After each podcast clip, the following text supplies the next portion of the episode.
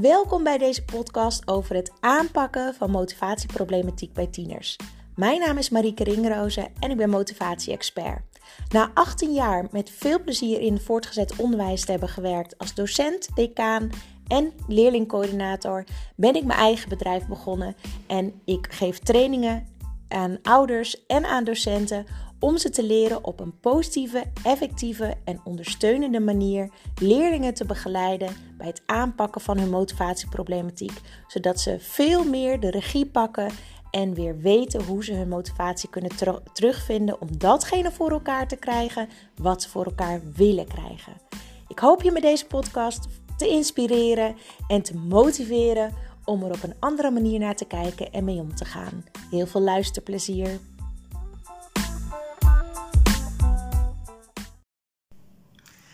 Yes, weer een podcast. En deze keer een podcast naar aanleiding van de eerste live QA uh, die ik met de deelnemers heb gehad die meedoen met het online programma Positiviteit in Puberteit.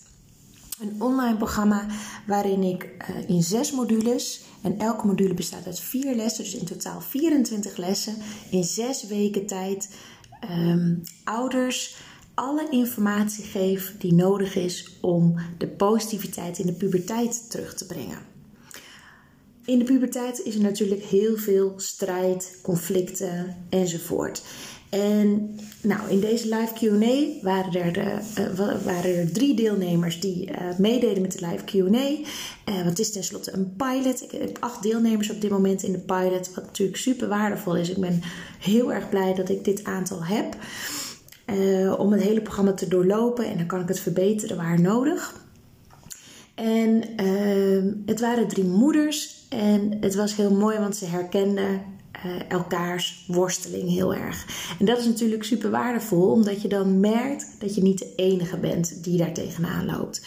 En dus als ik antwoord geef op de vraag van de een, dan heeft de ander ook direct dat aan. En dat is heel mooi, want je zag ook elke keer als ik één vraag beantwoordde, gingen ze alle drie uh, dingen opschrijven, aantekeningen maken. Dus dat is wel heel mooi om te zien. Dus op die manier heb je herkenning, erkenning en uh, direct ook tips en tools om thuis mee aan de slag te gaan. En stiekem is module 2 van uh, het programma eigenlijk heel erg aan bod gekomen bij deze live Q&A die eigenlijk over module 1 ging. Maar dat maakt natuurlijk helemaal niet uit. Ik beantwoord gewoon alle vragen die ik krijg. En de meeste vragen gingen er toch wel over. Hoe ga je ermee om als je puber niet doet wat hij moet doen? Als je een afspraak hebt gemaakt en je puber houdt zich er niet aan. Of dat nou over huishoudelijke klusjes gaat, of over een mobiel beneden laten, gaan slapen, um, uh, noem maar op. Hoe ga je daarmee om? En dat is eentje waar we allemaal natuurlijk wel mee te maken hebben. Dus ik dacht, weet je, daar ga ik even een podcast over maken. De eerste verwarring die ik heel erg veel tegenkom, is eigenlijk het verschil tussen de regel en een afspraak. Een regel is namelijk dat jij als ouder iets oplegt. Het kind heeft geen, uh, hoeft, hoeft niet, geen toestemming te geven of iets, hoeft niet mee te denken. Jij hebt gewoon de regel, uh, weet ik veel, om tien uur moet het mobiel beneden liggen, punt uit en geen discussie mogelijk. Dat is een regel, een eenzijdige afspraak eigenlijk. En een afspraak is iets wat je met z'n tweeën of met meer maakt. Ieder vertelt hoe hij er tegenaan kijkt, tegen de situatie. Um, en bedenkt manieren om daar een oplossing voor te bedenken. En je komt uiteindelijk in een overeenstemming en besluit samen van nou, dit wordt de afspraak. En jullie zijn er allebei mee eens. Of alle vier, of met hoeveel dan ook. Dat is een afspraak. En dat is een verschil. Want in de puberteit zijn ze echt allergisch voor regels. Ze zijn tenslotte aan het loskomen van ons als ouders, willen steeds meer zelfstandig worden, eh, onafhankelijk zijn. Eh, ze willen vertrouwen van, van ons als ouders krijgen. En ze willen de wijde wereld intrekken, maar ons als veilige backup houden. Dus als jij een regel opstelt, dan zeg jij wat ze moeten doen of wat ze niet mogen doen. En dat is juist wat ze niet meer willen, want ze willen steeds meer zelf bepalen. Als je een afspraak maakt, dan voelen ze zich gehoord, gezien en serieus genomen. Want zij mogen tenslotte meedenken over hoe jullie het vorm gaan geven. Bijvoorbeeld over huiswerk. Er is vaak strijd over huiswerk. Komt de puber thuis, dan wordt er direct al gevraagd: heb je nog huiswerk? Terwijl die puber iets anders in zijn hoofd heeft en die heeft bedacht: ik ga het allemaal na het eten doen. En de eerste conflicten ontstaan alweer. Je kan dan met elkaar aan tafel gaan zitten. Oké, joh, jij komt thuis. Hoe is dat dan voor jou?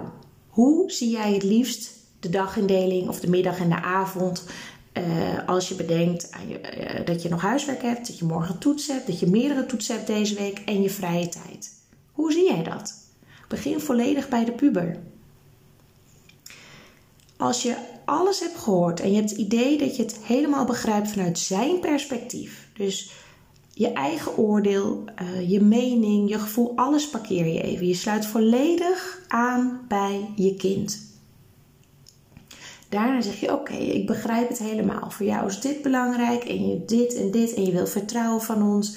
Dat snap ik helemaal. Mag ik nu ook mijn kant even uitleggen? Nou, dat mag in de meeste gevallen wel. En dan leg je uit dat jij het belangrijk vindt dat er structuur is, dat hij zich aan de planning houdt, dat het anders te veel wordt, uitstelgedrag, dat cijfers omlaag gaan, heb je zorgen voor. Nou, je vertelt jouw hele kant van het verhaal. Nou begrijpen jullie elkaars kant. Daar moeten wij pubers bij helpen, hè? bij dezelfde situatie van verschillende kanten kunnen bekijken. Dat kunnen pubers niet altijd vanzelf. Daar hebben ze ons bij nodig. Dus daarmee is het goed om dit te bespreken met ze. Daarna zeg je: Oké, jij vindt dit belangrijk, ik vind dat belangrijk. Hoe kunnen we er nou voor zorgen dat we een afspraak kunnen maken waar jij tevreden over bent en ik tevreden over ben?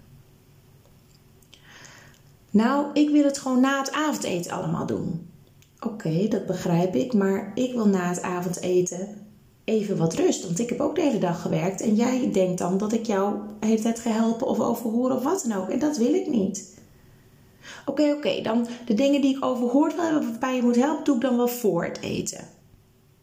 Oh, nou, dat vind ik een goeie. Daar ga ik wel in mee. En dan na het eten ga je dan doen wat je helemaal zelf kan. Ja, oké, deal. En dan ga je het proberen. En als je een afspraak invoert of uitvoert en, en, en probeert, wil niet zeggen dat het direct goed gaat. Het kan best zijn dat het een paar dagen goed gaat en dat hij dan weer de mist in gaat en s'avonds na het eten hulp wil bijvoorbeeld. Word dan niet direct boos, maar help hem even herinneren aan jullie afspraak.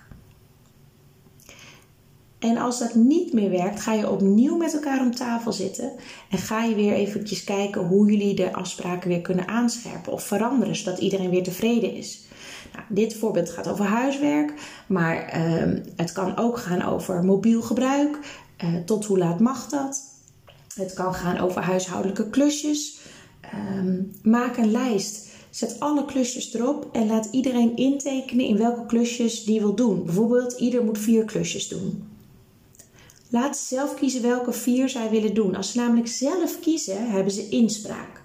Ze voelen zich serieus genomen. Ze hebben een keuze. Het is niet de keuze wel of niet iets doen. Nee, de keuze is welke vier ga je doen. Als ze namelijk zelf kiezen, is de kans vele malen groter dat ze ze ook gaan uitvoeren.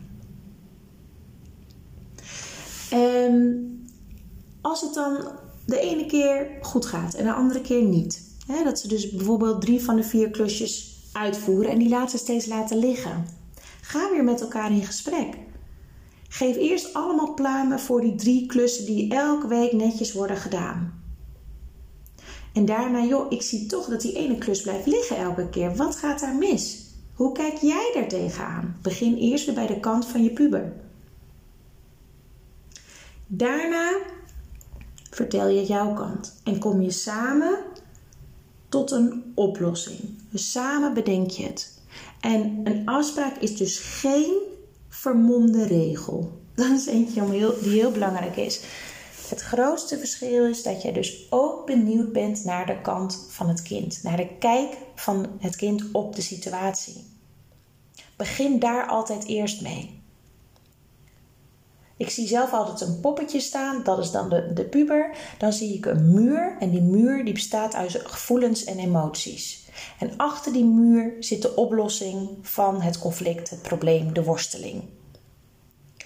Zolang er geen ruimte is om die muur af te breken, dus om de emoties te tonen, gevoelens te tonen, alles los te laten, vrijuit te kunnen praten zonder gestoord te worden, zonder dat er een oordeel komt of ach nou dat valt toch wel mee of ach stel je niet zo aan of nou je zou zelf ook wel wat hebben gedaan waardoor het is zo is gegaan.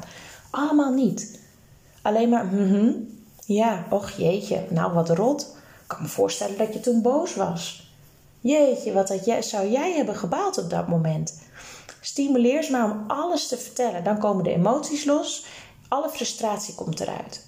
En het moeilijkste is als dit frustratie en boosheid is richting jou als ouder. Want wij worden dan geraakt als ze dat doen. En dan willen we in de verdediging schieten. Of willen we, willen we uitleggen waarom we dat zo hebben gedaan. Ja, maar jij deed dit en dat. Allemaal niet doen. Geef je kind volledig de ruimte die hij nodig heeft op dat moment om alles te ventileren. Doe je dat namelijk niet, dan kroppen ze het op. Ze zullen steeds minder aan je gaan vertellen. Ze kunnen zelfs depressief ervan worden als ze niet vaak genoeg hun gevoel en emoties mogen en kunnen uiten. Dus dat is het aller, aller, aller, allerbelangrijkste. Geef alle ruimte om alles te kunnen zeggen zonder dat jij boos wordt. En daarin zeg je: Jeetje, dat is pittig. Zal ik nu uitleggen hoe het vanuit mijn kant is? En dan vertel je welke zorg je hebt, welke angsten je hebt. Misschien heb je bepaalde gevoelens erbij. En nogmaals, help de puber om het van verschillende kanten te laten bekijken. Het helpt ook als jij emoties bij je puber denkt te zien dat je zegt, joh, zie ik het goed dat je heel erg boos bent? Of zie ik het goed dat je heel verdrietig bent? Check het altijd of het klopt. Want als je ernaast zit is het ook vervelend. Maar als ze voelen van nee, dat is het niet. Dit is het. Dat ze voelen dat ze het mogen zeggen. Dan komt het ook los. Als je namelijk als ouder helpt om gevoelens een naam te geven, om ze te benoemen, dan zullen ze ook eerder loskomen. En dat helpt hun ook met het verwerken van de gevoelens en emoties.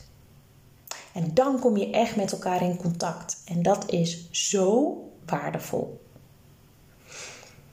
Wil je hier nou meer over weten en nog veel meer thema's en echt persoonlijke begeleiding? Want één keer in de week heb ik een live QA waar je dus vragen kan stellen als je deelnemer bent van het online programma Positiviteit in de Puberteit. Zes weken lang krijg je elke week een module opgestuurd met vier filmpjes. En elk filmpje is maximaal een kwartier met waardevolle informatie. Met een werkboek erbij, zodat je echt bij jezelf nagaat: hoe zit dit bij mij? Hoe zit dit bij mijn puber? Hoe zit dit bij mijn gezinssituatie? En loop je tegen dingen aan, dan kan je ze dus via de live QA kan je de vragen stellen. En je kan meeluisteren met de vragen van de andere ouders, waardoor je nog veel meer waardevolle informatie krijgt. Dus je krijgt echt persoonlijke coaching, ouderschapscoaching eigenlijk, krijg je erbij. En dat is mega waardevol, want je kan het direct toepassen. Het is heel praktisch. Ik gun het zelf echt alle ouders. En ouders die een traject bij mij volgen, die hebben nu als pilot sowieso al erbij gekregen. Die het nieuwste traject volgen. Die, hebben, die kunnen al deelnemen in deze pilot. Zeg je, oh, ik wil dit ook, wanneer kan ik beginnen? Begin november lanceer ik een volgende ronde. Ik vind het namelijk belangrijk dat er een vaste groep is waarmee we het hele traject doorlopen. En er is een Facebookgroep, een besloten Facebookgroep, waar je bij aan kan sluiten. En die Facebookgroep blijft gewoon bestaan. En de uh, live QA, dat wou ik eigenlijk eerst via Facebook doen. Maar uiteindelijk heb ik besloten om het via Zoom te doen. Omdat je dan elkaar ook ziet. En anders ben ik alleen maar aan het woord en kan je alleen maar met mij communiceren via de chat. En omdat het nu gewoon heel erg persoonlijk is en interactief. En dat past echt heel erg bij hoe ik werk. Ik ben niet van het zenden, ik ben heel erg van het interactief. Jullie vragen en ik geef jullie antwoord. Dus lijkt je dit ook super gaaf? Je kan je al aanmelden via mijn website www.coachpraktijkblijleven.nl. Dan ga je naar aanbod. Ik geloof dat het kopje aanbod is. En dan positiviteit voor de puberteit. En dan uh, begin november zal je de eerste module in je mailbox ontvangen. Met vier filmpjes. Ik hoop dat jullie hier weer wat uithalen en het helpt om weer het contact met je puber te verbeteren. Heel veel succes met oefenen en onthoud, oefenen gaat met vallen en opstaan. Er bestaat geen falen, er bestaan alleen leermomenten. Toi toi toi.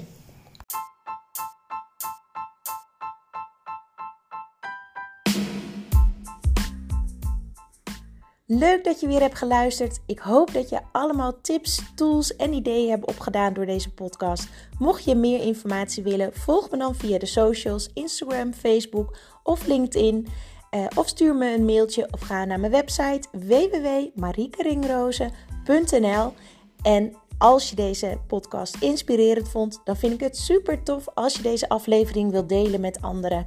En tag mij dan eventjes, zodat ik weet wie er luisteren naar mijn podcast. Dat vind ik altijd super tof om te zien. Alvast bedankt. Doei doei!